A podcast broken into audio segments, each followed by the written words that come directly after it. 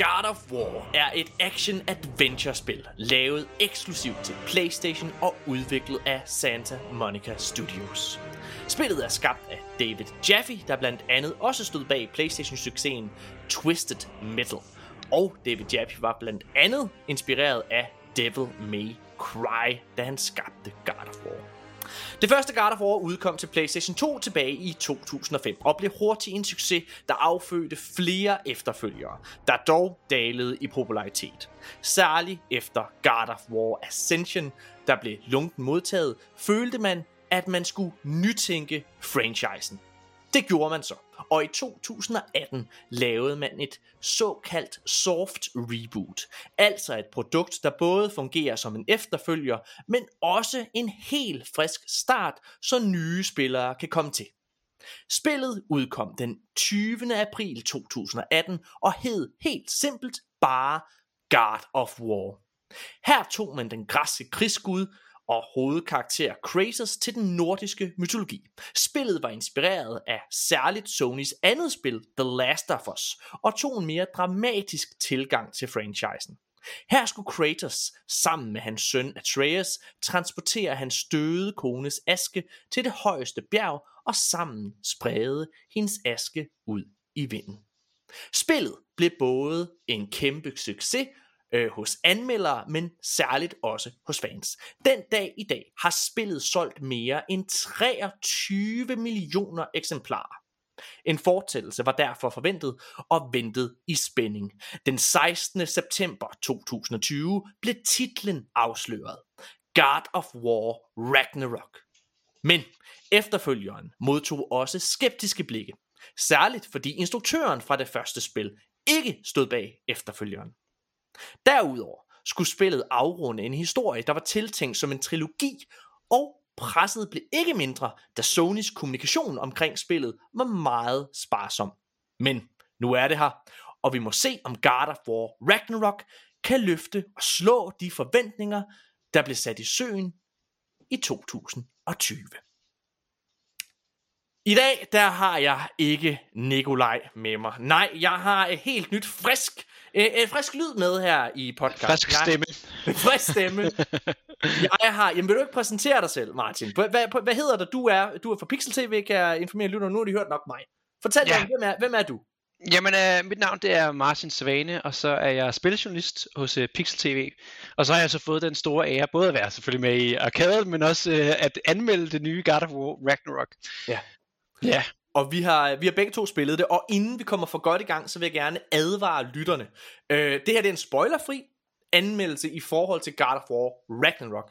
Men altså, spillet er så centreret omkring øh, det første, eller hvad man skal kalde det, fra 2018, at, at det er svært ikke at komme ind på semi-spoilers omkring det.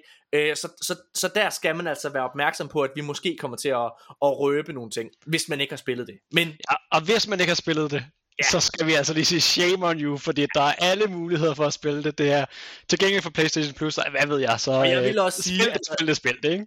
100%, at det er på PlayStation Plus, og hvad hedder det, øh, og når det er, man øh, installerer øh, det her God of War Ragnarok, så er der faktisk også et recap øh, tilgængeligt som øh, i menuen, så man ligesom, altså de forventer, uanset hvad, at du, at du kender til den historie. Det er også, jeg vil sige, det er, øh, altså det, jeg var faktisk overrasket over, hvor meget det bliver brugt, altså hvor meget de refererer til øh, det første spil fra 2018 i, øh, i God of War Ragnarok, Martin.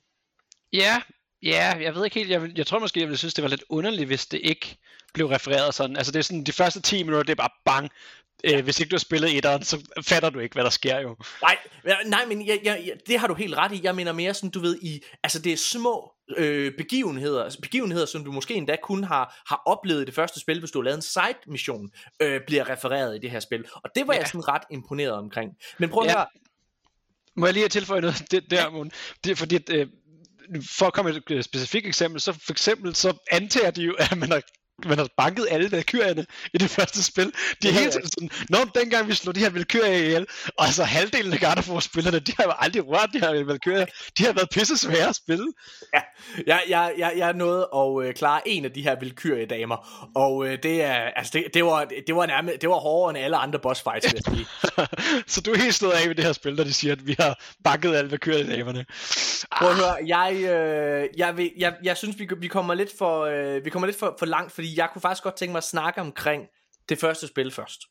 Ja, klart. Øhm, og øhm, det vælger, fordi fordi at jeg først har spillet det her inden den her anmeldelse. Altså inden at vi skulle spille God of War Ragnarok, der, der da vi fik en kode, så, så satte jeg mig til, fint nok, så må jeg lige få gennemført det første først. Okay. Og øh, det har været et spil, der, øh, altså det første fra 2018, det har aldrig rigtig sagt mig noget. Og grunden til, at det aldrig har sagt mig noget, det er fordi, jeg var faktisk ikke den store fan af de gamle øh, God of War spil fra, øh, ja, fra 2005. Altså den der hack and slash style ting der. Jeg kan huske, at, at jeg prøvede kræfter med det i sådan en remaster edition, der kom til PlayStation 3 i sin tid, og det sagde mig bare ikke rigtig noget. Jeg synes, det var sådan, det var, det var, for, det var dum ligegyldig popcorns underholdning, som, som sagde mig minus. Øhm, og derfor så gik jeg lidt en, en bue rundt omkring det. Øhm, og jeg var ikke specielt begejstret for 2018-modellen. Martin, det ved jeg, du er. Ja, jeg vil må sige, lige sige, at jeg var også øh, stor tilhænger af de gamle spil. Altså sådan, jeg synes, at hvis man, hvis man tager de her hack, den her hack and slash, slash genre, genre, som det var, så var det God of War, man kiggede til. Og der kom jo senere sådan nogle, nogen, der tog inspiration fra God of War, sådan noget Castlevania, øh, Lord of Shadows, eller hvad det hed. Og det kunne bare ikke, det kunne bare ikke nå creators til sokkerholderne. Øh, og jeg brugte også, altså i min gymnasietid, der alt hvad jeg vidste om græsk mytologi, det var jo fordi, at jeg havde reddet hovedet af Helios, og var sådan, gud, hvem er det nu, der styrede solen? Oh, ja, Kratos bruger hans hoved som lygte. Øh, så, øh, så for mig, der har det, der har været fedt at komme tilbage, og var nysgerrig omkring øh, hele den her nordiske mytologi. Altså vi savler jo lidt over nordisk mytologi her i Norden, så, øh, ja. så det ja, var meget spændende, da vi skulle begynde at skulle takle det. Jeg, øh, jeg ved godt, at lytterne er jo selvfølgelig kommet for at høre om God of War Ragnarok. Det vil jeg sige, det, det er jeg, øh, det vil jeg gerne afsløre, det er jeg mere begejstret for, end jeg er for, øh, for, for det første. Øh, jeg, jeg, jeg vil sige, det der virkelig kom, øh, kom bag på mig, da jeg spillede det første, det var noget, den er blevet hyldet rigtig meget for. Det er historien i det første spil altså. Øh, og jeg synes, historien er super, super middelmodig. Altså som i, som i, øh, som i jeg, jeg, jeg, jeg, jeg tror jeg sagde, øh, da vi havde Jacob E. Hensley øh, på besøg fra Handu, der, der, der sagde jeg, at jeg følte, at øh, God of War fra 2018 var en middelmodig historie. Nej, det var en dårlig historie, der var godt fortalt. Og den okay. formulering, den, den står jeg ret meget ved. Og jeg har en anden sådan Playstation-reference i forhold til, hvordan jeg gerne vil sætte det. Fordi jeg kunne sagtens se potentialet i det her spil. Jeg kan sagtens se, hvorfor øh, at folk var begejstrede for det. Jeg kan også sagtens se det her med, at hvis man har spillet de gamle spil, så er det jo nat og dag. Altså mm. de gamle spil 2003, så er, det jo, så er det jo virkelig, der er kommet meget kød på karaktererne. Og det er imponerende, at man kan tage en så ligegyldig altså i godsøjne, karakterer mm. som Kratos, ikke også? Som ja, ja, har så meget vred og havde et lille fipskæg, og det var det, han ja, havde, ikke? Ja, lige præcis. Altså, og, og, og, trods alt give ham så meget, øh, altså så meget karakterarbejde, og så mm. mange, altså så, så, så spændende et univers, og så spændende en, øh, en lore bag sig, og så virkelig at udnytte det, det kan jeg sagtens se, at det bliver gjort, øh, det bliver gjort godt, og det er også det, jeg mener med, at det er en dårlig historie, der er godt fortalt. Mit problem med det første spil, det er i sidste ende, at det er en ret ikke eksisterende historie. Der sker jo ikke rigtig noget, der er ikke rigtig nogen konsekvenser i det spil. Mm. Øh, altså, de, de, det, er, øh, det er en øh, dreng øh, og hans far, der rejser op på det højeste bjerg, øh, for hvad hedder det, at, at sprede deres øh, øh, henholdsvis døde mor og døde hustru øh, ud over. Så på vej, så skal de ligesom lære hinanden bedre at kende. Og det gør de også, men de udvikler ikke rigtig deres forhold undervejs. Altså så meget udvikler de det ikke. Der er jo ikke rigtig nogen konsekvenser. Øh, jeg synes, det er noget af det, der fungerer. Det, kom, kom. Spændende holdning, Morten. Ja, men kom Martin. Kom, jamen, jeg synes bare, at, at, at hvis nu vi lige skal sammenligne Ragnarok og så 2018-versionen, så synes jeg, at uh, Ragnarok, det er sådan, det er Marvel det, er, øh, det skal være stort, det skal være episk, men øh, nu skal jeg selvfølgelig passe på med at træde dig over tæerne, når du er filminstruktør, men for, for, for mig... Sådan... Alle anmeldere træder mig over tæerne, Martin, så det, det altså, jeg tror ikke, du skal sidde og være så... Okay. Fordi jeg føler, at det er sådan storytelling 101 øh, plejer man jo at sige, sådan, den ydre konflikt, den er ikke så interessant, mens den indre konflikt, det er ligesom det, folk kan relatere til og sådan noget. Og jeg synes, at der er rigtig meget ydre konflikt i Ragnarok i forhold til 2018 øh, God of War. Og jeg kan sindssygt godt lide den her indre konflikt omkring, at øh, det, det, for mig, du sidder og siger, at den handler ikke om skid, det er en kedelig historie. Jeg sidder bare og siger, at det er fedt. Det er jo fedt, at man kan tage 20 timers game, og så bare sådan, det sker, det handler ikke om noget, det handler bare om det her forhold mellem de to. De skal fra A til B, og så bliver de bare konstant med modstand, modstand, modstand, modstand. Det synes jeg er fedt. Ja. Øh, at det er sådan deres forhold, Atreus og Kratos' forhold, der er i fokus. Ja, og det, og det føler jeg også, det er her i, i efterfølgeren. Jeg tror bare, at det der er problemet med det første spil for mig, det er, at karaktererne er super uinteressante. Altså jeg synes virkelig, jeg synes alt rundt om Kratos er spændende, men jeg synes desværre, at Kratos i sig selv er i det første spil virkelig kedelig. Jeg synes desværre også, at Atreus, selvom han, er, helt klart har mere kød på sig end, end Kratos, synes jeg også, at Atreus er irriterende i det første spil. Ja. Øh, Atreus er, er, er altså jeg, jeg kan ikke klare ham. Øh, og, øh, og han er jo spillet, han er jo en lille dreng, øh, i Ragnarok er det den samme skuespiller, der spiller ham. Han er jo vokset op. Det kan jeg Mm. virkelig godt lide, fordi jeg Ja. synes, han er, han er mesterlig i Ragnarok, synes jeg, øh, som skuespiller.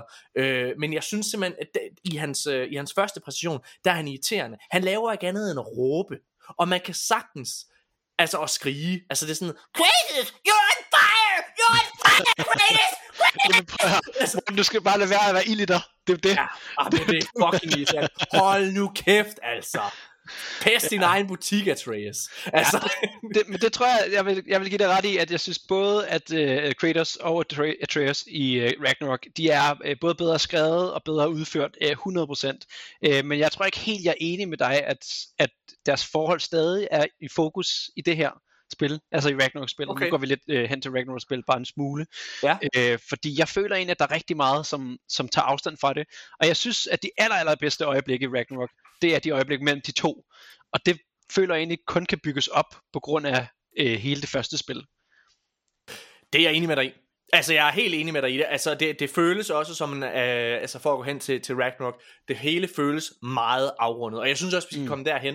Altså, jeg vil sige, øh, Rag, eller det første God of War havde nogle meget, havde nogle virkelig gode bikarakterer, synes jeg. Øh, jeg synes, øh, jeg synes øh, de to dværge, som også er med i efterfølgeren, Ja. Sindri og Brock i det første spil, er virkelig med til at give det noget liv.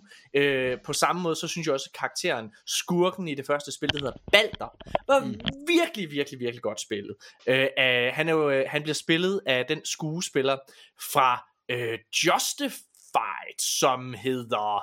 Åh, hvad fuck hedder han? Hvad fuck hedder han? Hjælp mig lige et øjeblik. Hvad hedder han? Han spiller med i Justified. Åh, oh, jeg tror, jeg har skrevet det op. Jeg har skrevet det op her i mine øh, noter. Giv mig to sekunder. Ja, lad os se, om jeg kan være hurtigere Uh, med, med Google. det kan du ikke, det kan du ikke. Jo, det kan du godt. Jo, nej, han hedder, øh, han, øh, han hedder Jeremy Davis. Jeremy Davis, ja. Jeremy Davis, han spiller, øh, hvis man har set den fantastiske serie, der hedder Justified, så spiller han øh, Dickie Bennett. Øhm, og øhm, han, han er mesterlig som Balder. Han giver ham virkelig en, han, fordi de bruger rigtige skuespillere, og ikke Mm. bare, du ved, stemmeskuespillere, så kommer de simpelthen bare med, de kommer bare med en anden tyngde på en eller anden Ja. måde. Og jeg er faktisk normalt modstander af det i tegnefilm og computerspil, fordi jeg synes, det er noget andet at være skuespiller, end det er at være øh, altså voice actor. Men Mm. jeg føler måske, at det vi er begyndt at se her med computerspil, øh, vi kan bruge Cyberpunk som et andet eksempel, hvor jeg virkelig synes, øh, Keanu Reeves i Cyberpunk øh, 2077 er perfekt i det spil. Og jeg tror, det er Mm. fordi, de er inde med deres krop også. Ja, det er hele den der motion tech, øh, capture teknologi, som ligesom har givet dem lov til at bruge kroppen, og ikke bare stå og råbe ind i mikrofonen. Lige præcis, fordi det er, det er nemlig det, altså man kan mærke det med, altså når, når, når Balder går på skærmen, man kan mærke, det er en skuespiller bag. Altså selv, ja, det er bare, det er, øh, det er virkelig godt. Ham, ham synes jeg var mesterlig. Men Mm. prøv at, skal jeg ikke bare komme med min hurtige konklusion Jo, til det første God of War, fordi der er næsten, der er ikke nogen grund til at sidde og dvæle i. Folk vil gerne høre om Ragnarok, så lad os, Ja. lad os, lad os gøre det, og så kan folk jo sidde og råbe af mig bagefter. Øh, fordi jeg er med på, at folk elsker det her spil. Okay. Jeg har skrevet min konklusion. Øhm, bare sådan, det er noter til mig selv, så det kan godt være, der er noget, der ikke giver mening. Men jeg har skrevet, God of War fra 2018 er som det første Uncharted-spil. Drake's Fortune. Det emmer af potentiale, men udførslen rammer aldrig helt plet for mig. Historien er middelmodig, og de store episke kampe forvandler sig hurtigt til tryk X det rigtige sted, eller øh, O øh, mange gange hurtigt the game. Det er desuden irriterende, at Kratos ikke kan hoppe. på nær de steder, spillet gerne vil have, at du gør det, har jeg skrevet.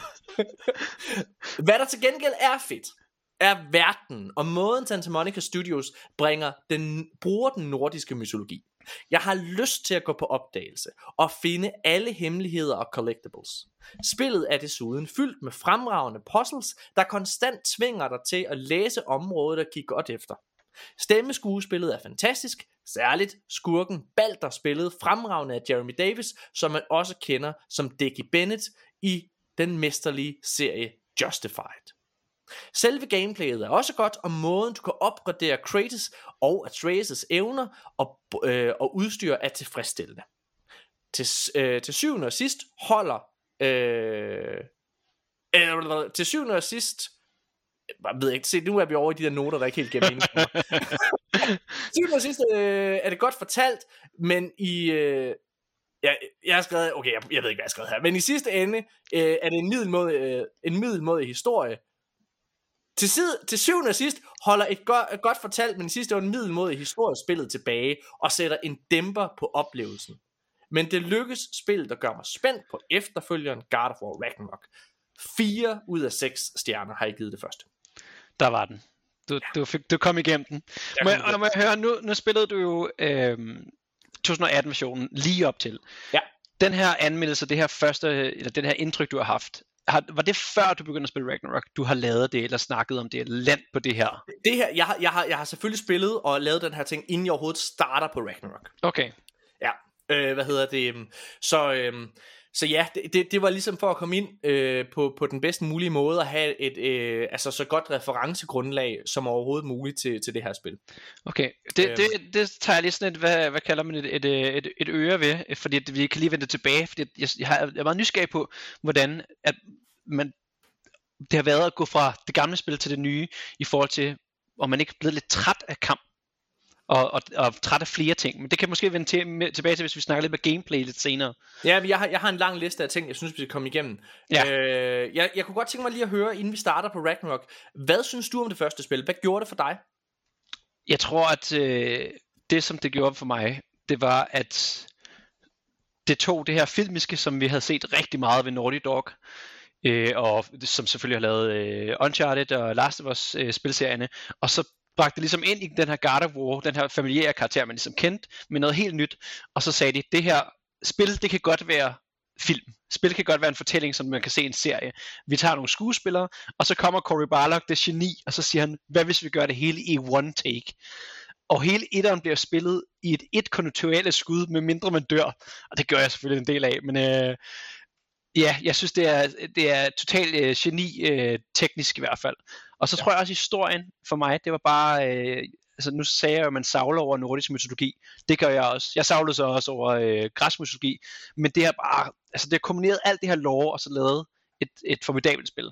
Og så er det lidt øh, den der A til B rejse, som er i anden række for mig i forhold til Gud, der kommer Jormungandr op af søen. Mm. Det her episke øjeblik, der er, det vejer mere for mig. Okay, jamen det er spændende. Altså jeg, jeg, jeg, jeg kunne mærke, at da det var, at man begyndte at få, øh, hvad hedder han, Mimir, øh, og, øh, og selvfølgelig også Sindri, karaktererne mere ind og bruge dem mere i, øh, hvad hedder det, i det første spil, så begyndte det at leve lidt mere. Der er en, der er en scene i det mm. første God of War spil, som fik mig til at, altså, flække af grin. Mm.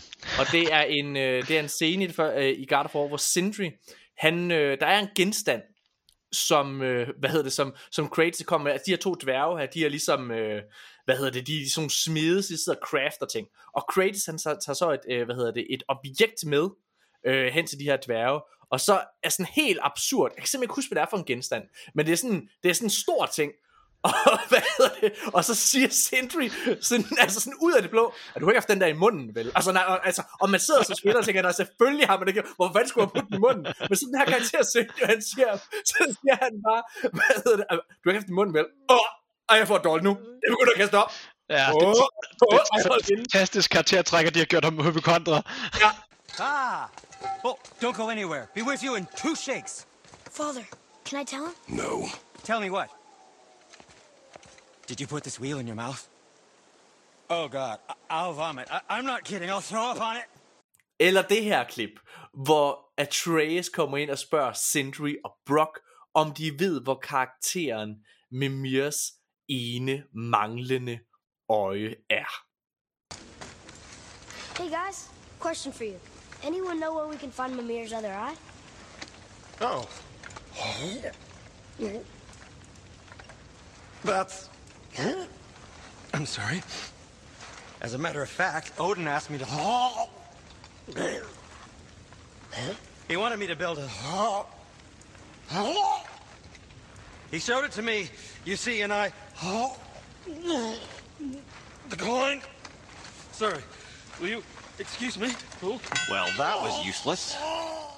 Det er så fucking, fucking sjovt. Ja. Ja. Og det vil jeg sige, at øh, i Ragnarok, nu snakker vi kort om karaktererne, i øh, 2018-versionen, der er der ligesom Kratos, øh, som er Kratos og grønter en masse, og så er Atreus, som øh, skubber plottet meget for, fremad. Og de to karakterer er de eneste, som er sådan lidt øh, nuanceret. Nu ved jeg godt, du synes nok ikke så nuanceret, som jeg gør. Og så Sindri og Brock og øh, Freya, de er alle sammen sådan bikarakterer. Og det er noget, som Ragnarok gør sindssygt godt. Det er jo at bygge de her karakterer op og rent faktisk give dem flere nuancer. Ja. Øh, Jeg, øhm, og jeg synes måske, ved du hvad, lad os, skal, lad os lige høre lidt, øh, lidt trailermusik fra Ragnarok, for jeg kan mærke, nu begynder vi at bevæge os over til den helt store snak, mine damer og herrer. Så øh, lad os bare lige få lidt stemning her, fordi lad os, øh, når vi lige er tilbage efter det her, så, så snakker vi og anmelder vi God of War Ragnarok. Time is running out. The prophecies say Fimbulwinter leads to Ragnarok. War is coming. You don't really want war. All that blood on your hands, on your son's hands. Fate only binds you if you let it. We will make our own destiny. Ja, Martin, God of War Ragnarok er her endelig. Og så bliver jeg jo nødt til at spørge, levede det op til dine forventninger? Ja, det gjorde det, det må jeg sige. Altså, øh, det, det er kun, og når jeg er sådan lidt tøvende, så er det, øh, er, det- er det kun fordi, jeg har sådan en enkelt ting, som bare irriterer mig. Fordi det er et mesterværk, og det er altså noget, som jeg vil huske. Det synes jeg. Ja.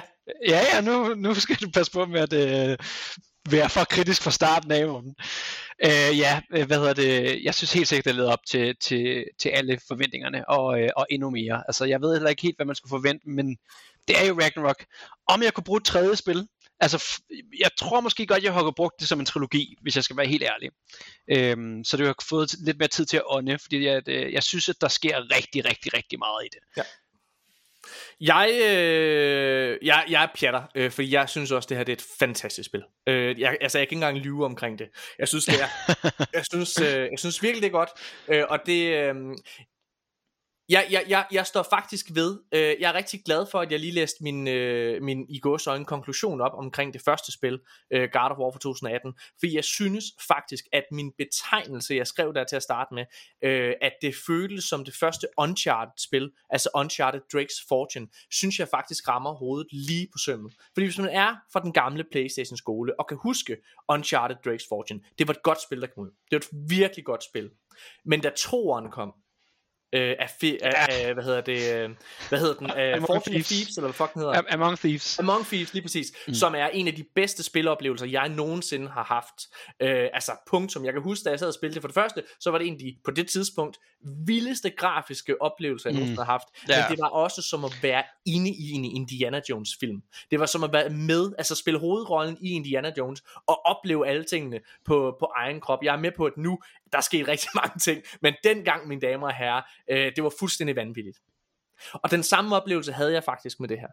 Jeg havde, jeg havde den fuldstændig samme oplevelse, fordi øh, noget af det, som jeg... Der er ikke nogen tvivl om, at det, jeg tager med ind i spil, når jeg sidder og spiller, øh, det er jo mit arbejde, i, når jeg øh, skriver så film og tv, og instruerer også. Og det vil sige, det jeg er interesseret i, det er i bund og grund, øh, det er karakterudvikling, og det, er, og det er en god historie. Grunden til, at jeg er øh, vildt fascineret af computerspil, og laver den her podcast i min fritid, Martin. Det er fordi, jeg føler, at computerspil kan noget, øh, når det kommer til historier, som film og tv aldrig kommer til.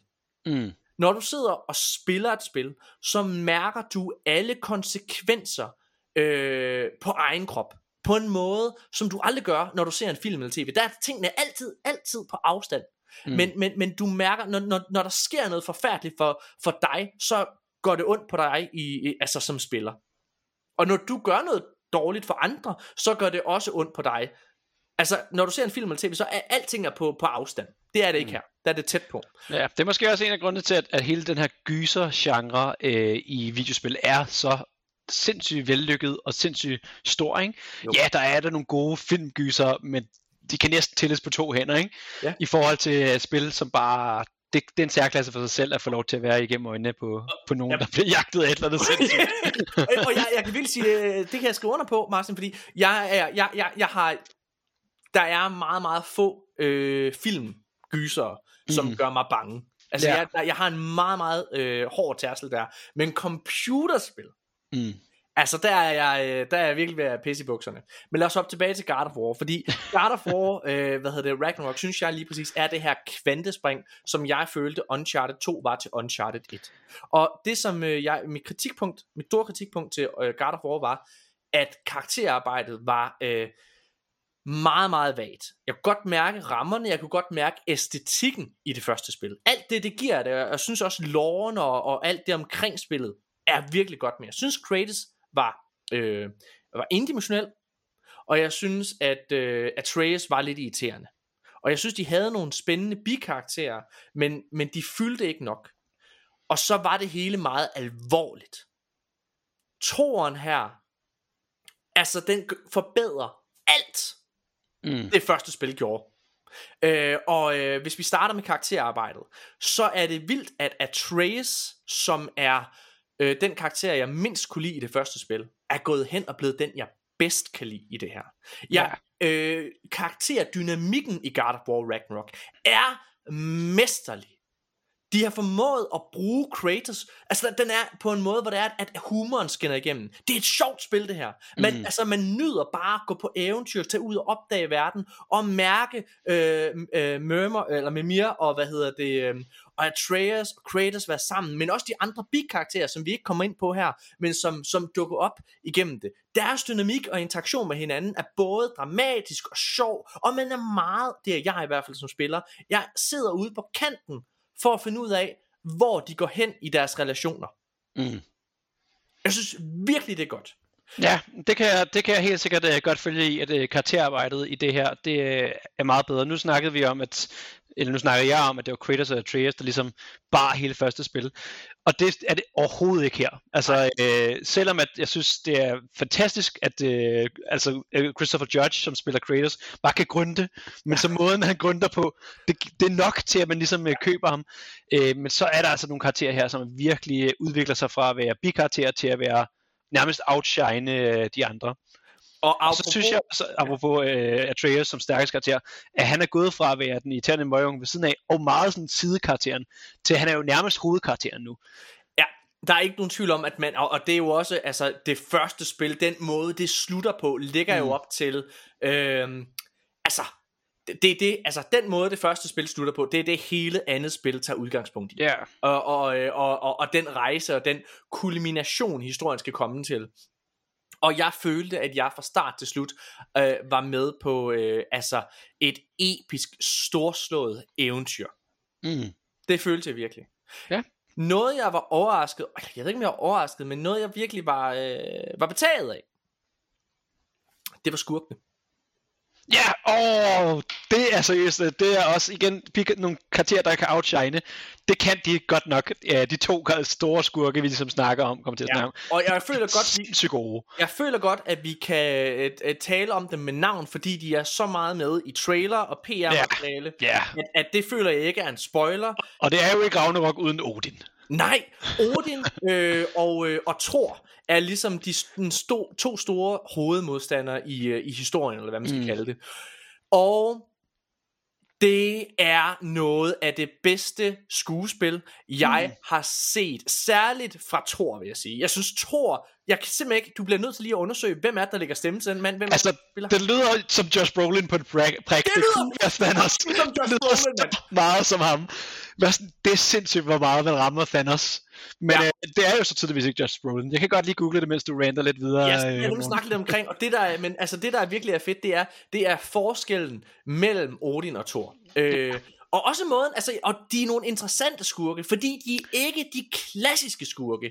De er, der, der er, øhm, jeg vil gerne, jeg vil faktisk gerne blive sådan lidt i Naughty Dog metaforen her, øh, fordi det første spil låner og bruger rigtig, rigtig meget af, øh, af det, som gjorde det første The Last of Us spil rigtig godt. Mm. Hele måden, altså øh, du har en karakter, der skal tage et, øh, et barn, øh, hvad hedder det, fra A til B i en fortælling. Øh, altså det er jo en til en, det der sker i God of War, ikke? Altså det er taget fra The Last of Us. Tydeligt inspireret, det har de også selv sagt, så der er ikke noget der. Jeg føler også på nogle områder, øh, på mange områder faktisk, at, at toren her, øh, og ikke på den måde, I tror, mine damer og herrer, det er mere sådan, du ved, det er mere i de store, brede penselstrøg, Øh, men der føler jeg også, at, at toren her låner af The Last of Us Part 2, som i min Mm. optik fortsat den dag i dag er verdens bedste spil nogensinde produceret. Jeg, der er jeg nogen- er enig Morten om noget, endelig. Er du enig om det?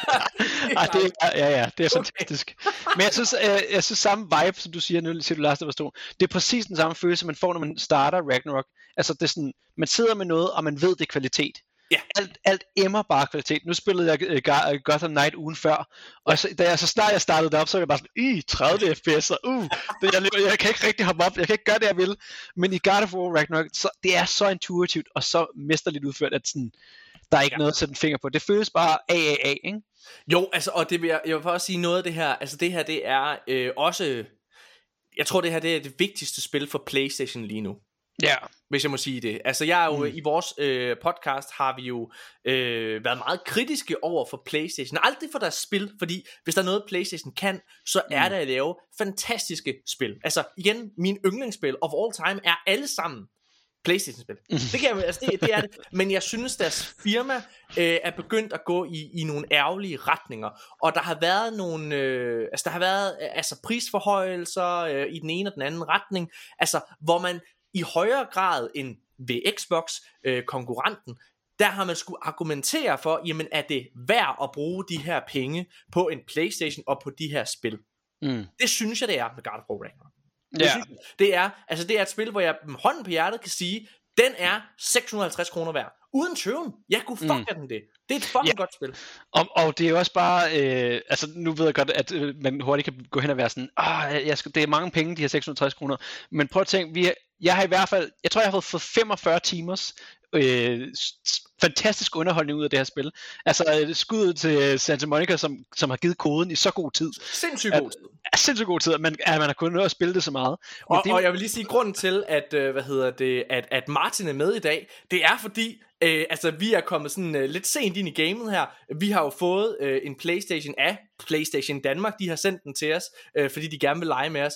Og vi har kun fået en, fordi de er der er mangel på Playstation 5'er derude. Så, og vi får først nummer to Playstation her, efter God of War. Så mig og Nikolaj, vi har deltes. Jeg fik lov til at spille først, heldigvis. Øh, hvad hedder det? Men altså, den tager, som du siger, fucking mange timer. Ja, især hvis man skal øh, altså, have, have lidt øh, grej, der er sjovt at lege med og sådan nogle ting, Ja. ja. så skal man jo ud og, og tage fat i de skinnende kister, der er. Øh, ja, det er, det er kun sådan en 20-25 timer for at gennemføre det, hvis man kører igennem, men med en lille smule side activities. Man kan nærmest ikke lade være. Altså spillet Nej, det kan man jo hele ikke. tiden lyst til altså, at udforske. Og jeg vil også sige noget af det her, som, øh, som, som toren har kørende for sig, det er de varierende omgivelser, Martin. Mm, Jeg, jeg ja. følte, at det første spil var meget det samme. Det var Mm. meget, du, sø- du, du, du padler rundt øh, i den her sø, og så besøger du nogle små øer, men, men det hele ligner rigtig meget hinanden, med enkelte undtagelser. Ja, ja, der er man jo kun i, i hvad er det, 3-4 realms. Ja, Øh, men, og, alle realms, og alle realms i de første spil lugter lidt af hinanden. I det her spil, der føler jeg, at der er så visuel og mm. grafisk variation, at jeg altid er, øh, er nysgerrig. Og selv når du besøger gamle, velkendte steder, så, øh, så har det fået et nyt touch, som ja. gør det interessant. Øh, og, og de refererer også til ting, man har lavet i det første spil. Mm. Det er fremragende. Det er fremragende. Ja. Og det er mere sådan en nostalgisk øh, oplevelse at komme hen til, okay, så besøger man Alfheim igen, og så ja. sådan, gud, det var her, vi har været, og det er her, der har været den butik, øh, som lå der før. Nå, den er der rykket nu, og altså, der er alle mulige. Her var der Narnia Chest sidste gang, ja. vi var her, ikke? Altså, det er sådan, så, så ned i den lille detalje, at der er blevet altså, ligesom optaget skuespil, optaget dialog. Det er bare så, så veludført, ikke? Helt vildt. Ja, ja jeg, jeg, jeg, jeg øh, øh, altså, synes øh, og generelt virkelig imponeret, og jeg er jeg er ærgerlig over, at man har været i en situation, fordi hvis vi skal prøve sådan at kigge lidt på, på, på det sidste halve år, Martin, mm. så har Playstation, de var jo meget, meget stille med dørene omkring det her, og man var bange for, at man ikke ville nå en release date, og man ja. var, og i sommer, der var, altså, der kom en trailer i sommer, som kom på baggrund af, at fans nærmest krævede det, fordi at de var bange for, at spillet blev udskudt, og der var radio silence ved, ved Playstation.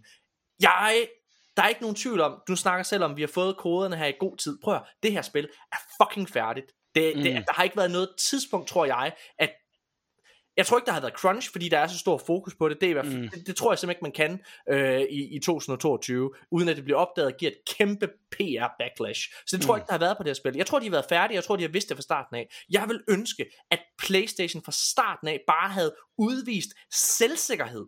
Og ja. jeg synes, jeg vil ønske, at de har gjort ligesom ligesom Bethesda gør på nuværende tidspunkt med Starfield, hele tiden bare giver små, små, hvad hedder det, øh, hvad hedder det, uh, art style, uh, små, små uh, de, developer diaries og sådan nogle ting. Hvor, hvor, må lige høre, hvornår var det Starfield blev annonceret første gang? Jamen, jamen prøv at høre, det er helt rigtigt. Men, men, det, men det som spillet har gjort, det er, jamen, jeg, fordi du har helt ret, spillet blev annonceret, øh, hvad var det, for nogle år siden, ikke? Ja, men, det, det er et år siden efterhånden, ja. ja. Men, men sidste år, der blev ligesom sagt, at det skulle komme her i år, ikke? Mm. Og, det, og det fejlede jo. Men det som de gjorde, det var i februar her i år, der begyndte de at give altså art ud. Altså sådan små diaries, sådan ting. Mm. Og det gjorde selv mig og Nikolaj var selvfølgelig skuffet over, at det blev udskudt. Det er en af de spil, vi glæder os mest til næste år. Selvfølgelig. Mm. Øh, men jeg kan huske, at da det blev udskudt, så var sådan, nej, prøv at der er tydeligvis styr på det. Fordi vi har set så meget derfra. De, har, vi, altså, de havde vist sindssygt meget gameplay, øh, de havde altså, hele tiden haft de her diaries, ting, hvor man kunne høre, hvad de havde gang i, hvilke ambitioner de havde. Vi havde hørt musik, vi havde hørt lyd, vi havde set øh, character animations, alle mulige ting. Mm. Så vi havde, okay, der er styr på det, giv dem, det er træls, men giv dem den tid, de skal bruge. Der var vi mere bange, og Nikolaj elskede det første God of War også. Mm. Han, jeg kan huske, han var bange, fordi han var sådan, hvorfor er det, vi ikke ser noget? Hvorfor mm. det, de ikke bare siger, hvad de har gang i? Og jeg er jo så glad for, at al den frygt er gjort fuldstændig til skamme. Ja, men det er ærgerligt, at den overhovedet kom. Men kan det ikke noget, at det, at det bare sådan kommer som et lyn for en klar himmel? Fordi lige nu, så er der altså PR i hoved og røv, hvis man må sige det. 100%. Fordi nu, så sidder Ben Stiller klædt ud som Kratos, sammen med LeBron ja. og øh, John Travolta. Altså, hvad er det for noget øh, PR, de har gang i? Ja. Så det kommer altså rigeligt lige nu. Det er over det hele, ikke? Det har du ret i. Det har du ret i. Det er Chili Claus på tirsdag ude hos Pixel TV, ja. som har lavet et samarbejde med God of War. ja, og det, er jo, og, og det er jo fantastisk. Men jeg synes virkelig, men jeg synes det er, jeg, jeg synes det er fantastisk. Jeg, jeg, jeg synes det er ærgerligt, at man havde det der, men jeg er enig med dig i, man kan jo selvfølgelig sige, men hvad giver det nu? Jeg tror bare, når man kigger i, i øjeblikket, så dengang, så var det, kan jeg huske, det var en træls oplevelse at være inde i. Og det tror jeg så godt, de kunne være for uden. Men det er rigtigt, du har helt ret i din analyse. Lige nu, hvem tænker på det? Det er fucking lige meget. Det er et mesterværk, vi sidder mm. med her. Og det er et af de bedste Playstation-spil i min optik nogensinde lavet ja. faktisk. Det ligger virkelig sådan i, i top 5. Øhm, og, øh, og, og, og Santa Monica Studios har, øh, altså har virkelig kommet op og blevet altså en af de altså oppe i næsten Naughty Nok niveau, vil jeg sige. Ja, Ja, ja, øhm. det er, det er fuldstændig rigtigt. Det er bare kvali- kvalitet. De har jo ligesom de her studier også, som, hvis vi snakker Sony, som bare er et stempel på kvalitet. Ja. Og der vil jeg egentlig gerne vente. Altså sådan, ja. Hvis de først kom næste år, så havde jeg også øh, ventet. Men det, er, det ligger et godt tidspunkt. Der har virkelig været tørke i noget tid med, med ja. spil, synes jeg. Ja, og, øh, og altså øh, igen, øh, man kan jo sige, hvad man vil om øh, PlayStation. Øhm, og, og hvis man hører vores podcast, så har vi jo ofte meninger omkring deres, deres firma, men deres spil, der er de altså rimelig konsekvente. Altså de har været ret gode til at udkomme med spil. det kan man jo ikke sige om Xbox, der havde et godt mm. år sidste år, men har haft fuldstændig tørke her i år. Ikke? Altså, mm. øhm, så altså, der, der, der er Playstation jo et godt sted, og jeg føler, jeg sagde før, jeg synes, det er et vigtigt spil for Playstation lige nu, fordi jeg føler virkelig, at det rammer det helt perfekte sted. Den kommer ind, beviser, prøv at høre her, det var godt, du investerede i en Playstation 5, for prøv lige at se det spil, du kan spille her. Ja. Lad os snakke lidt omkring grafikken. Øhm, hvad hedder Ja, det? må jeg lige uh, lynhurtigt, fordi nu uh, googlede jeg jo uh, den gode uh, Thor-skuespiller. Det er en, der hedder Ryan Hurst, som er uh, fra Sons of Anarchy også. Og Ja. øh, altså, ja, så øh, han ligner faktisk overraskende meget Josh Brolin også, når man ser et billede af ham. Øh, men øh, fordi jeg havde lige en pointe om Odin. Ja, Jeg synes, det er rigtig fedt. Øh, det er, det, altså, nu øh, spoiler vi ikke for meget, fordi vi får introduceret Odin rigtig hurtigt i spillet. ja, ja. Øh, at han er, han er slet ikke den her langskækkede, øh, gamle, Nej. kloge Odin. Han er altså bare sindssygt sympatisk og meget sådan hyggeonkel, Ja. øh, hyggemorfar, og han Ja. er bare altså så velskrevet, og det er vildt, hvor, hvor, hvordan man kan lige pludselig gå fra, at han er sort, han er ond, alle siger, han er ond, så bliver det bare et gråzone. Ja, og, jamen, og, det, og det, det er det, jeg mener med, med The Last of Us Part 2 faktisk. Det er, at man mm. får virkelig tingene fra flere forskellige perspektiver. Øh, og jeg synes også, når man sidder og har spillet spillet færdigt, tingene kunne have ind på mange måder. Og Ja. altså, man kan jo se alle historier ud fra forskellige perspektiver. Og det er jo altid dig, der er helten i din egen historie. Mm. Hvad hedder det? Men jeg synes, øh, jeg synes virkelig godt. Jeg kan fortælle, at øh, skuespilleren, der spiller Odin, så jeg er enig. Jeg, øh, han hedder Richard Schiff. Hvis man har set øh, den gamle The Lost World øh, serie, øh, undskyld film, Jurassic Park The Lost World, så er det manden, der... Øh, der, hvad hedder det, bliver et, et bit oh. af, der bliver spist af to tyrannosauruser, hvad hedder det, og, øh, og bit midt over, ikke? Mm. Øh, ja, men han er, han er, han er, han er eminent. Altså, ja. ham og øh, Thor er virkelig scenestjælere. Og det er sådan sjovt ikke også, fordi, fordi man har den her, man ved, hvor mægtig en gud Odin er. Mm. Man sidder altid, altså hver gang de er på skærmen, man sidder og holder øje med alle deres øh, Ja. bevægelser. Ja, okay, men Ja, lad os det er, snakke. det, det bare fedt, at han ikke er sådan stereotypisk Odin. Han er, han, man, man ser det slet ikke som den, han er. Men Nej. man lytter stadig og er sindssygt imponeret af ham. Ja, øh, jeg, øh, ja, okay, men lad os, lad os prøve at snakke lidt om grafikken. Dude, det her det er fucking flot. Ja. Noget, jeg virkelig, virkelig er imponeret over, det er dyre animationer. Særligt hundeansigter. Den Mm. pelsen og sådan nogle ting er fucking flot animeret. Ja, Men ja. øh, altså sådan helt exceptionelt. Øhm, og så selvfølgelig ansigtsanimationerne ved de forskellige øh, hovedkarakterer. Det her spil, det kører stadigvæk det her, øh, one, den her one, øh, one take gimmick. Øh, altså hvis man har spillet det første spil, så ved man, at, at, at der er ikke cutscenes per se, men det hele er sådan i en kameravinkel hele tiden, som så skifter og følger rundt. Altså det, det er et long take på en eller anden måde. Mm. Det gør toeren også. Øh, og, og det synes jeg faktisk, øh, at de formår at, at eksekvere ret vellykket. Altså sådan, Ja, ja. Ja. Det ville også være underligt, hvis de begyndte at klippe, når det ligesom havde været en gimmick, som har været så stor. ja, ja. Og jeg ligner se på ham der, Ryan Hurst, der spiller Thor der. Hold da kæft, du har fuldstændig ret. Han, han, han ligner, hvad har han spillet med i? Han har spillet med Sons i... of Anarchy. Ja, øh, okay, sindssygt, sjovt. Ja, Sons of Anarchy, der, der spiller han øh, O.P. Winston. Harry O.P. Winston. Okay, sjovt. Han har været med i rigtig mange. Nå. Spændende. Ja, det, det er meget imponerende, og øh, også, nu, nu snakker, kom du ind på de forskellige realms, øh, jeg synes det er sindssygt, hvordan at de, de alle sammen føles så forskellige øh, fra, fra sted til sted, og de detal- detaljer der er, altså, nu ved jeg godt, at man, man tabte kæben over sne, da Uncharted 2 ligesom kom ud, Ja. men kæft hvor er det godt, altså jeg var ude og lave et eller andet i sneen, og så sådan fem minutter efter kom jeg tilbage, og så er jeg sådan, gud der er et spor, nå det Ja. var mig for fem minutter siden, altså, prøv det er noget af det første, jeg gjorde, fordi jeg altså sådan ting, jeg er sådan total tech-nørd, ikke? Så det, sådan det første, når jeg kigger i sneen, det er sådan, ja, okay, lad mig lige se, om min fodspor, er du ved, er der bag. Oh, wow, de er der. Det er da fuck, Og- og langt- wow, hvor sindssygt! og, det, og det ser godt ud, ikke? Ej, det er virkelig, det er virkelig øh, imponerende, altså grafisk, og, øh, og jeg har været inde og se, jeg har ikke selv øh, afprøvet det på PlayStation 4, men har været inde og se sådan flere, der laver comparisons derpå, og det er jo sådan et spil, jamen, du går ned på 30 frames per second og sådan nogle ting, men det virker ikke som om, at den egentlig går så meget på kompromis. Det virker som om, det kører ret, øh, altså ret godt. Det er imponerende. Det er imponerende, Ja, ja, ja, at de har fået de, til at, øh, de ting til at fungere. Der er, der er nogle steder i spillet, hvor man kan mærke, at de tager hensyn til PlayStation 4, vil jeg sige. Altså, der er Synes nogle, du ved, Ja, øh, der, er, øh, der er mange af sådan nogle, du ved, loading screens. Øh, for eksempel, når du skal gå fra realm til realm, mm. så, øh, så, så, det gør det også i det første spil, så er du inde sådan et sted, hvor du går fra der, du skal over til sådan en dør i et realm. Ja, du går ind i Yggdrasil. Ja. Der kan du blive stående, og når du er færdig med den dialog, der er skrevet specifikt til, og vare den tid loading screenen er, når den dialog er færdig, bup, så selvom du ikke er gået, så popper døren lige der, hvor du er nærmest. Mm. Så altså, det er sådan, ja, ja, fair nok, men, men prøv at, jeg er ligeglad, og ved du hvorfor jeg er ligeglad? Fordi den dialog, der er inde i de steder, fucking realms, er så godt skrevet, Martin. Ja, og hvi- hvis du går hen, der er et specifikt sted, som også var der i, øh, i, i det forrige spil. Hvis ja. man går derhen, næsten hver eneste gang man er inde, og der er skrevet din log, så er der skrevet en replik til, hvis man går specifikt hen til det sted og kigger. Ja. Det synes jeg er imponerende. er og det er helt unik. Ja. Hold kæft, Der man er, øh, der er, jeg synes generelt bare, der er så meget humor i det her spil. Øh, der er for eksempel på et tidspunkt, hvor jeg kommer ind i Asgård, hvad hedder det, øh, og så, og så er der en karakter, jeg går med, og du ved, man looter jo. man kommer ind i Asgård som gæst, og så, hvad hedder det, øh, og så, øh, og så, hov, der er lige noget, der skinner der, og det går jeg lige over og tager til min karakter. Og så kommenterer karakteren, du går med på det. Åh mm. oh, ja, fedt mand, stjæl bare alle vores ting, siger han. Det er, det er fucking sjovt. Altså, Ja. Ja, og det var sådan en, øh, jeg ved ikke om hvis du har spillet Marvel uh, Guardians of the Galaxy, Jo. det var jo sådan en ting, de introducerede, at hver eneste gang man efter, så var der en kommentar om det. Det blev lidt til meget for meget til sidst, ja. men her der er det altså fedt, der lige kommer et par ja. kommentarer omkring det. Og det er overskud. Altså det emmer, ja. Det, det er generelt det, det her spil gør. Det emmer af overskud, Martin. Ja, det er Jeg så gennemført, ja. så, så gennemført. Ja, men det er helt vildt. Øhm, ja, altså hvis jeg, må, hvis jeg må sige noget, jeg også er rigtig imponeret over, nu går vi over til gameplay. Mm.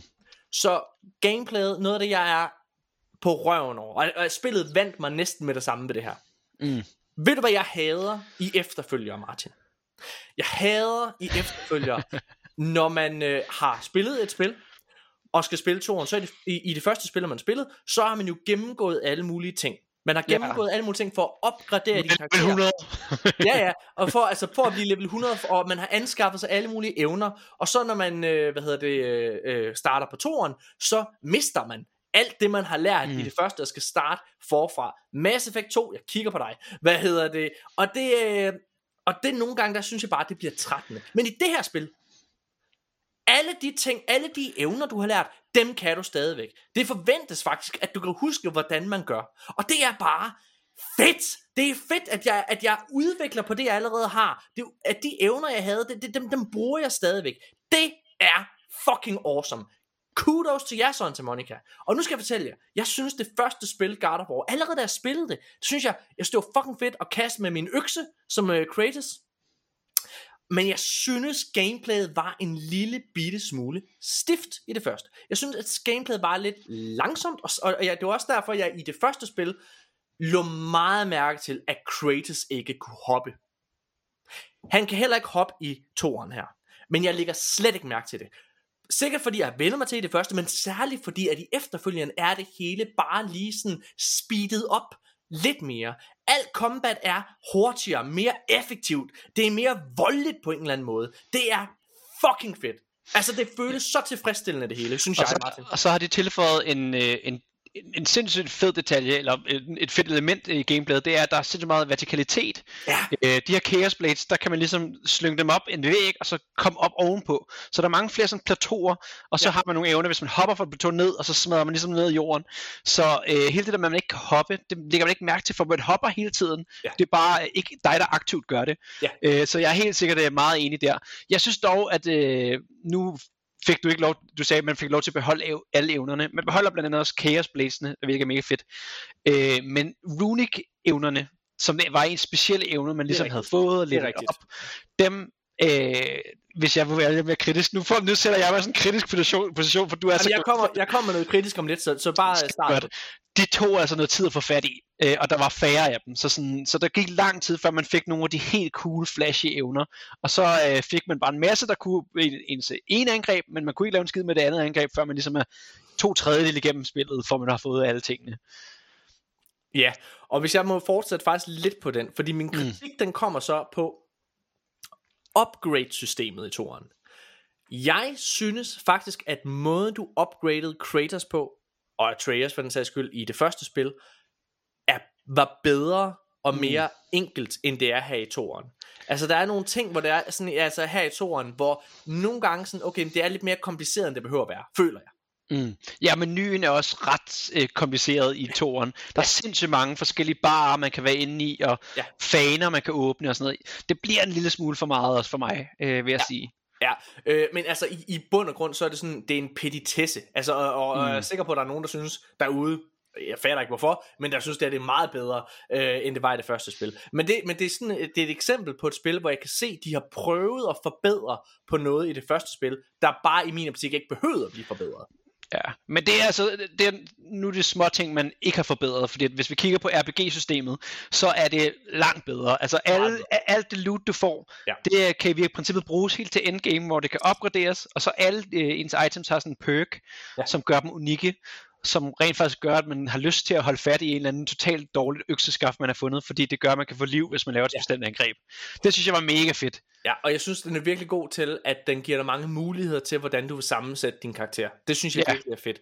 Øh, og øhm, ja, altså, men øh, for at blive lidt i det... Jeg vil ikke sige, det er negativt, for jeg ser stadigvæk det her, altså jeg synes, det her Mm. det er et mesterværk. Ja. Men, men, men, men nu, jeg vil gerne prøve, også bare for sådan at, at øh, nå hen til en konklusion omkring det hele og så videre der. Så lad os prøve at komme over på historien, og hvordan føler vi så, uden at spoile noget som helst, Mm. ender det tilfredsstillende? Har vi lyst til et, et tredje spil i franchisen, og så videre, og så videre, og så videre. Mm. Men Øh, jeg havde, ja, undskyld. Oh, jeg vil lige lyn- lynhurtigt, øh, hvis jeg får lov til at starte. Øh, jeg synes, i 2018-versionen, der, øh, der, det følte jeg var meget reboot. Ikke? Altså, det var meget afskåret fra de gamle spil. Nu synes jeg i Ragnarok, at de, det føles som om, at det er en del af de gamle spil. Mhm. Mm-hmm. Kratos han snakker rigtig meget øh, omkring sin fortid og sine gamle historier. Det gjorde han ikke så meget i 2018-versionen. Der var det meget sådan, han grøntede og siger, det vil han ikke snakke om. Nu bruger man det rent faktisk som øh, narrative punkter, øh, hans, ja. hans fortid. Og det er jo også, og ja, det er mega fedt, fordi at det første spil, der handler det om, at han skal embrace hans fortid, før han kan udvikle sig som menneske. Mm. Altså, øh, og, så, så det synes jeg også giver max mening. Øhm, jeg, jeg, jeg tror, min pro, mit problem det er, at jeg havde, og jeg tror, Nikolaj og jeg, vi, vi laver noget, vi ikke kommer til at lave meget i øh, vores øh, podcast ting her, men jeg tror faktisk, vi laver en decideret spoiler episode. Oh, fedt. Hvad det er fedt. det? Fordi, altså, hvor vi sidder snakker og diskuterer det, for jeg har så mange holdninger til selve historien, og Nikolaj mm. ved jeg også, han sidder og spiller det lige nu, øh, og han vil selvfølgelig også gerne komme med hans holdninger til det. Men jeg har så mange holdninger til historien, fordi jeg synes, skuespillet er fantastisk. Og jeg er, jeg synes, det ender tilfredsstillende. Mm. Men historien er ikke, det er ikke, det er ikke den historie, jeg ville have haft. Nej, det er det ikke. Og, og, og, og jeg ser stadigvæk øh, grunden til, og jeg vil gerne, inden jeg siger det her, mine damer og herrer, det her det er et mesterværk. Nu, nu sidder vi så bare og, og altså virkelig er nitpicker, ikke? Det er fedt, det er konstant det, vi skal sige som disclaimer. Jeg elsker det her spil, men det her kan gøre, være, godt være bedre. Det er skide godt, det er et mesterværk med det her. Prøv at høre. Øh, når jeg siger, at The Last of Us Part 2 er det bedste spil, jeg nogensinde har spillet, så er det fordi, at hvis der er noget, det spil er, så er det, det fucking ballsy. Mm. Det, som The Last of Us Part 2 gør, det er, at det tager altid de nødvendige valg for, at historien udvikler sig på den mest interessante måde overhovedet. Mm. Helt enig. Altså, der, der er så mange nosser i det spil, og de Ja. tænker overhovedet ikke på fanservice og så videre. Og jeg tror også, The Last of Us Part 2 er jo et spil, som for nogen også altså delte vandene. Der er nogen derude, der er urensagelige årsager ikke kan lide det spil. Mm. Øh, og øh, jeg er overbevist om, at God of War Ragnarok ikke kommer til at være i den situation. Jeg tror, alle, der kunne lide det første, vil kunne lide det her. Fordi det, mm. gør ikke nogen sure. Nej. Men det er også lidt det, jeg har problem med. Jeg havde en meget, da jeg havde spillet det første spil, ja, det står i mine noter, øh, da, jeg havde, øh, hvad hedder det, da jeg havde gennemført det første God of War, så skrev jeg præcis, okay, hvis det var mig, der skulle skrive toren, så er det det her, step by step, der Ja. sker i, øh, i efterfølgeren. Så er det det her, der er, øh, der er plottet, og det sker ikke. Øh, og, og, øh, og, og der er mange gange, hvor historien så går nye drejninger, hvor jeg tænker, okay, fedt, så er det det her, de gør i stedet for. Men det er det heller ikke. De tager aldrig, de, de tager aldrig den, de tager, og, og igen, det er en god historie, der er ikke noget der. De, de, de, de tager bare aldrig den farlige vej. Giver det mening? Jeg prøver at være Ja. meget vævende. Ja, det er virkelig, det, jeg, altså, jeg synes, du danser så elegant rundt om øh, plottet og spoiler lige nu, fordi jeg, jeg, jeg sidder bare og nikker og smiler og siger, jeg er 100% enig. Jeg synes, det er så godt. Så enig. Fordi Ja. det, det, som jeg har været mit store problem, og igen, det er jo et mesterværk, Morten. Ja, det er er jo det et det? Okay. mesterværk. Øh, jeg synes, at den sidste tredjedel af altså, akt 3, den er, den, den, det er jo sindssygt svært sløjfe at binde på, og jeg synes ikke helt, den, den gør det. Nej, Øh, men den gør det- gør det tilfredsstillende, som du sagde.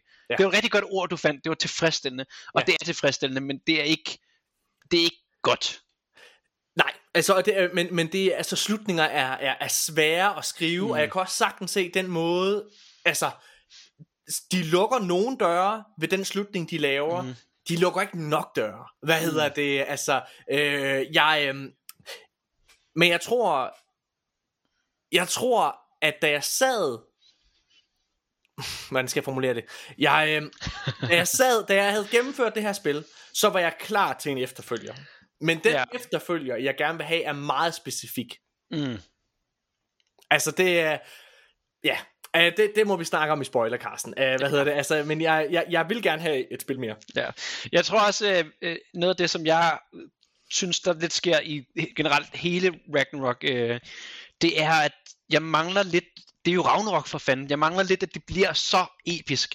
Ja. Øh, altså sådan, det er episk, men det er sådan Marvel-episk, og det er meget på afstand episk, Ja. i forhold til, øh, hvad det kunne være. Den der dragekamp i 2018, øh, hvor man flyver rundt med balder på tværs af Midgård, den mangler jeg en lille smule. Uh, ja, det, det, ja den, er, den føles en lille bitte smule, det her spil. Det føles en lille bitte smule som Ringnes Herre, uh, Peter Jacksons Ringnes Herre. Forstået på den måde, det hele er meget episk. Der er slag og alle de her ting, men det er også meget langsomt. Og det mm. er meget, altså man tager virkelig tilløb til det her store klimaks, og det, når det, der kommer et klimaks, der, der er en grund til, at den hedder Ragnarok, men jeg er enig med dig, og det hænger lidt sammen med det der med, der er bare nogle steder, hvor de ikke helt er ballsy nok til at Ja. gå all in på, at hell is fucking raining. Øhm, men på den anden side, så kan jeg også sagtens se, hvis jeg skal tage dem i forsvar, mm. noget af det, jeg elsker det her spil for, er øh, karakterøjeblikkene, øh, de i gåseøjne rolige momenter, hvor man kan hænge ud med, sin, øh, med sit ensemble, lære dem at kende, og, og, og, og, og dykke ned i materien på, hvem de er som mennesker. Mm. Og det vil du helt klart have sværere ved at gøre. Samtidig den humor, som er hele vejen igennem spillet, vil være sværere at få ind, hvis du skulle tage den over til død og ødelæggelse hele tiden. Det er rigtigt. så, så jeg kan godt se, hvor de kommer fra, og i sidste ende, så er det også det, jeg virkelig værdsætter det her spil for. Jeg tror bare godt, man kunne, jeg tror godt, man kunne have haft begge dele. Ja. Ja, for lige nu så noget af det, du sidder og roser rigtig meget, det er jo faktisk også øh, nogle af sidequestene. Ja. Der er jo nogle sidequests, som er, øh, at det er fantastisk, der er kommet hele det her Blossom nærmest fra The Witcher 3, omkring Ja. at sidequest skal betyde noget. Ja. Og det gør de så sandelig også her. Altså nogle af de bedste øjeblikke, det er jo bare øh, nogle sidequests. Ja. Øh, men ja, ja, det synes det er sjovt, at det du roser allermest er de stille øjeblikke, hvor man ligesom får lov til karaktererne. For Ja. det er det, som jeg følte, der var rigtig meget af i etteren. Øh, det var de her stille øjeblikke, hvor man lærer karaktererne at kende, og, og i, i Ragnarok, der er de stærkeste øjeblikke også, hvor at Atreus og Kratos bare sådan er sammen, og man kan mærke de her udvikkelser, der bare kommer lige sådan et skulderklap eller et eller andet. Det synes jeg helt sikkert, at det er der er godt for Ragnarok. Ja. Ikke så meget selve Ragnarok.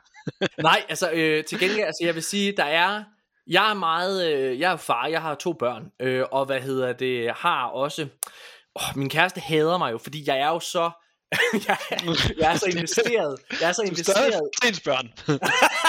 ja, men jeg er, så, jeg er jo så investeret i historier, og det er jo mm. det, sådan, så når jeg, når jeg sidder og ser film, og, og, øh, og sådan, jeg bliver meget let rørstrømst. Altså jeg græder meget let til, øh, til film og tv, og spil.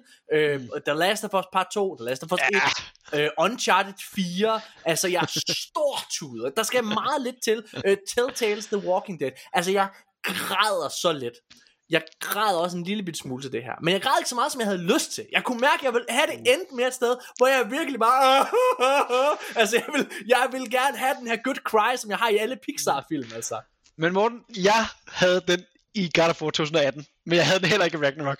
Jeg havde den altså til sidst. Det, I- havde du i i 18? Okay, det kan jeg simpelthen ikke forstå, du havde, fordi det er jo så ikke eksisterende. Et, øh, no, ja, okay. ja, jeg synes, det var godt uh, i 18. Det, er, det er jo, du må have nogle uh, daddy issues, siden du kan få de det, kan, tårer det frem. kan være, det var det.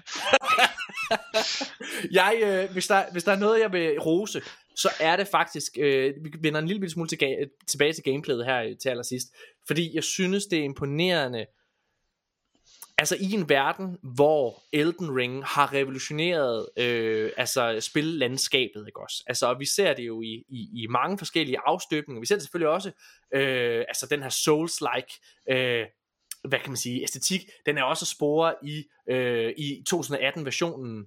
Men her siden da, der har vi jo set den i Star Wars, Jedi Fallen Order, mm. som har den her Souls-like øh, stil. Tunic, der kom øh, tidligere over det her fantastiske indie-spil i min optik, øh, har også den her Souls-like vibe, Elden Ring selvfølgelig, øh, og det har det her også. Det har den virkelig, det her. Altså, den, den smager, det her spil, smager for mig nogle gange af de bedste boss fights i Elden Ring. Mm. Hvordan øh, med dig? Havde, du- kan du ikke genkende til det? Ja, øh, jeg, jeg, helt sikkert. Jeg synes, der er nogle rigtig, rigtig øh, fantastiske bosskampe i, i det her spil også. Ja. Men jeg kan, noget af det, som jeg så måske kan kritisere lidt, det er, når man begynder det her endgame content, mm. øh, så bliver det, og det synes jeg generelt igennem spillet egentlig, øh, er et af mine kritikpunkter, at fjendevariationen Ja. ikke er stor nok. Nej. Og, og det kan måske lige være, øh, hvis jeg lige må uddybe lidt, Ja. så fra de forrige spil, så besøger man de her realms, og at man besøger de samme realms i det her spil. Det betyder, at fjendevariationen overlapper. Ja. Mega fedt, at man føler det samme verden, men hold kæft, man ender med at slå mange elver ihjel, drager ihjel, og de der sejler ihjel. Der kommer også en ny ende- øh, fjendevariation i Ra- Ragnarok. Det er sindssygt fedt. Men jeg synes, det er lidt synd, at der ikke er, er flere fjender. AI'en er ændret, de har nye tricks. Ja. Jeg synes, det er lidt synd. Og det igen ved de store bosskampe, der er sådan en drag eller to, der ligner hinanden lidt for meget. Ja, 100%. Men prøv at høre, altså lad os, øh, lad os lade være at danse rundt om den varme grød. Lad os øh, prøve at, at komme med vores øh, konklusioner ja, på det her spil, altså øh, fordi det er virkelig, virkelig godt, kan jeg roligt sige, og hvis vi skal øh, lige starte med sådan at, at lægge ud, så er det vi gør, det er jo øh, ligesom hos øh, Pixel TV, og hvor, hvor den dejlige Martin Svane her, han arbejder, så, øh, så er det jo fra 1 til 6, vi giver.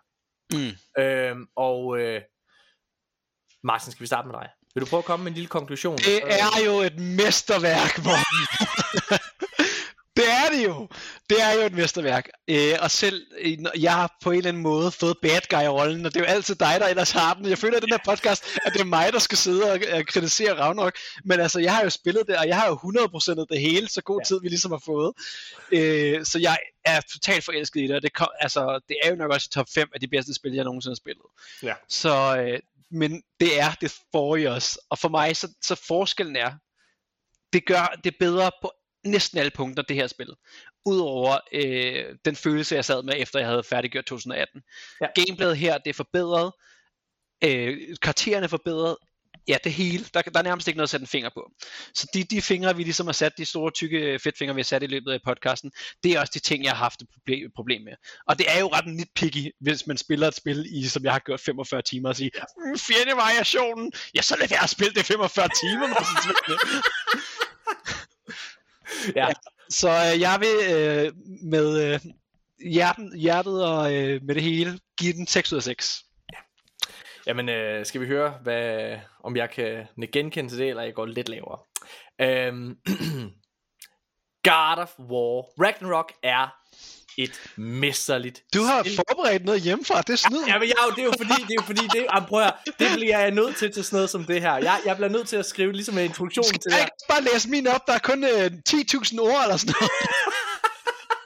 Høre, 10 det, er fordi, det, er fordi, det er fordi, at min hjerne, altså det er jo, øh, i, øh, i, i, i, når jeg laver øh, øh, øh, tv og film og sådan noget der, så er jeg også meget på, det er de færreste skuespillere, der får lov til at, øh, at, at improvisere, og det er fordi, når vi først åbner op for det, så begynder min hjerne at gå alle mulige veje.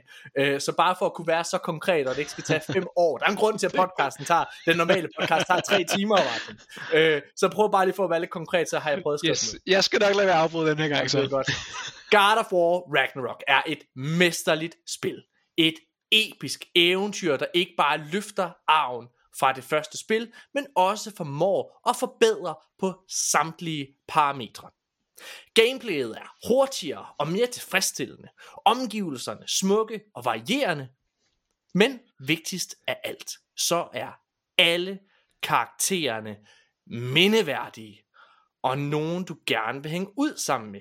Grafikken er smuk, og ansigtsanimationerne fantastiske, særligt på dyr.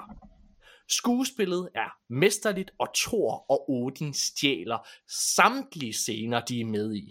Men for mig personligt er Atreus dagens held. En karakter, jeg ikke brød mig om i det første spil, er nu blevet en af mine favoritter. Sony beviser, hvorfor de er ledere på konsolmarkedet, og beviser, at spil som disse får du kun på PlayStation. 6 ud af 6 stjerner. Sådan, det kan du jo godt. Det kan jeg jo. Jamen, jeg, synes, det, jeg synes, det er rigtig godt, og jeg, jeg, Ja, ja, det, ja, den er i hvert fald på min top 10. Altså, nu har jeg fandme spillet. Jeg, jeg, jeg, jeg, jeg bliver 34 her den 26. november. Jeg, jeg har fandme spillet mange spil. Den er i top 10. Øh, og jeg tror måske endda, den er i top 5. Det er mm. virkelig, det føles, som et, det føles som et eventyr. Og selvom at slutningen ikke helt ligesom dig, rammer helt der, hvor jeg gerne vil hen med den, så er rejsen, og ja, det var sådan, jeg også havde det med, med Mass Effect 3, som jeg også sagtens kan genkende til, øh, ikke har den mest tilfredsstillende slutning. Men rejsen hen til Mass Effect 3 er mesterlig og hjerteskærende nogle gange. Øh, og du vil hænge ud med hele dit crew på, øh, på Normandy i Mass Effect. Ikke? øh, altså sådan, sådan havde jeg det også med det her. Det er, at du føler, og der særligt modsat det første spil, Martin, føler jeg virkelig, at jeg har været ude på et episk eventyr. Jeg følte, at jeg havde været ude på et eventyr, og jeg føler også, at det havde været, altså det havde været hyggeligt nok nogle gange. Der var jo den der midgårdsorm, som folk synes var mega vild, som jeg var sådan, ej hvor du larmer din midgårdsorm, hva?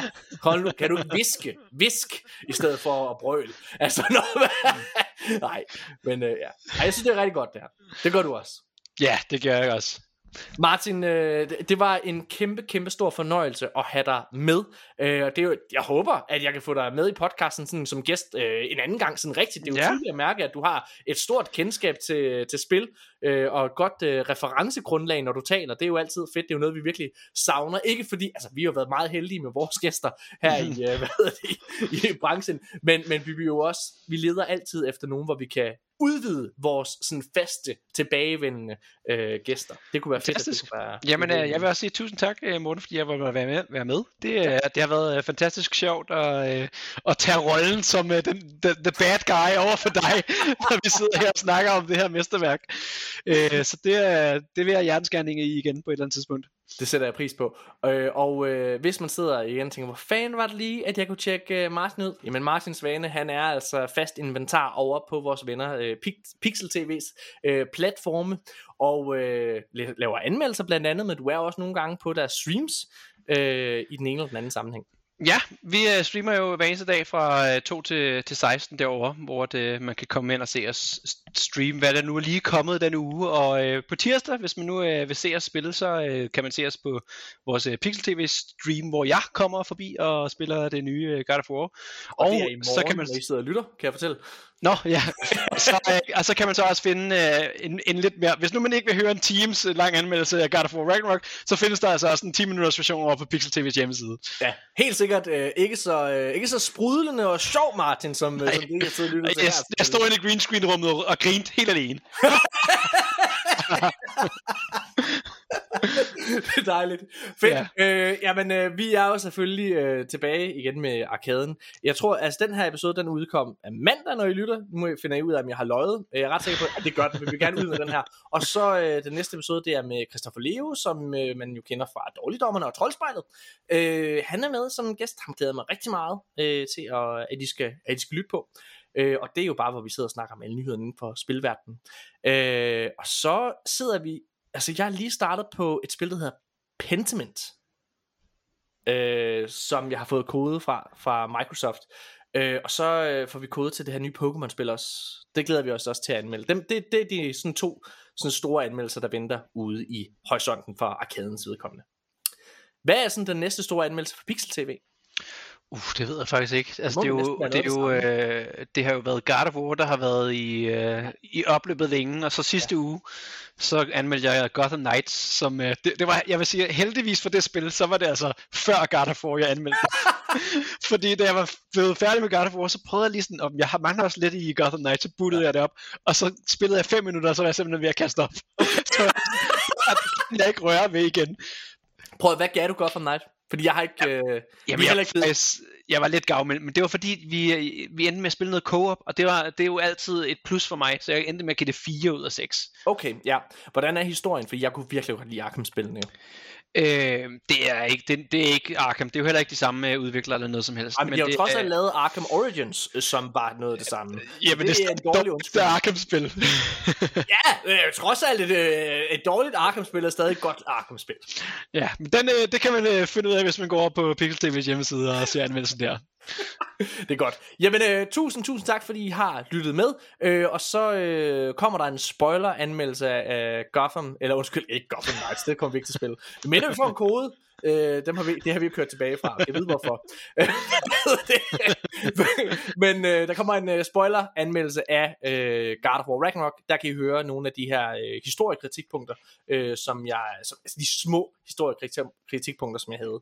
Øhm, ja, vi er tilbage snart igen. Tusind tak for I lyttede med. Hej!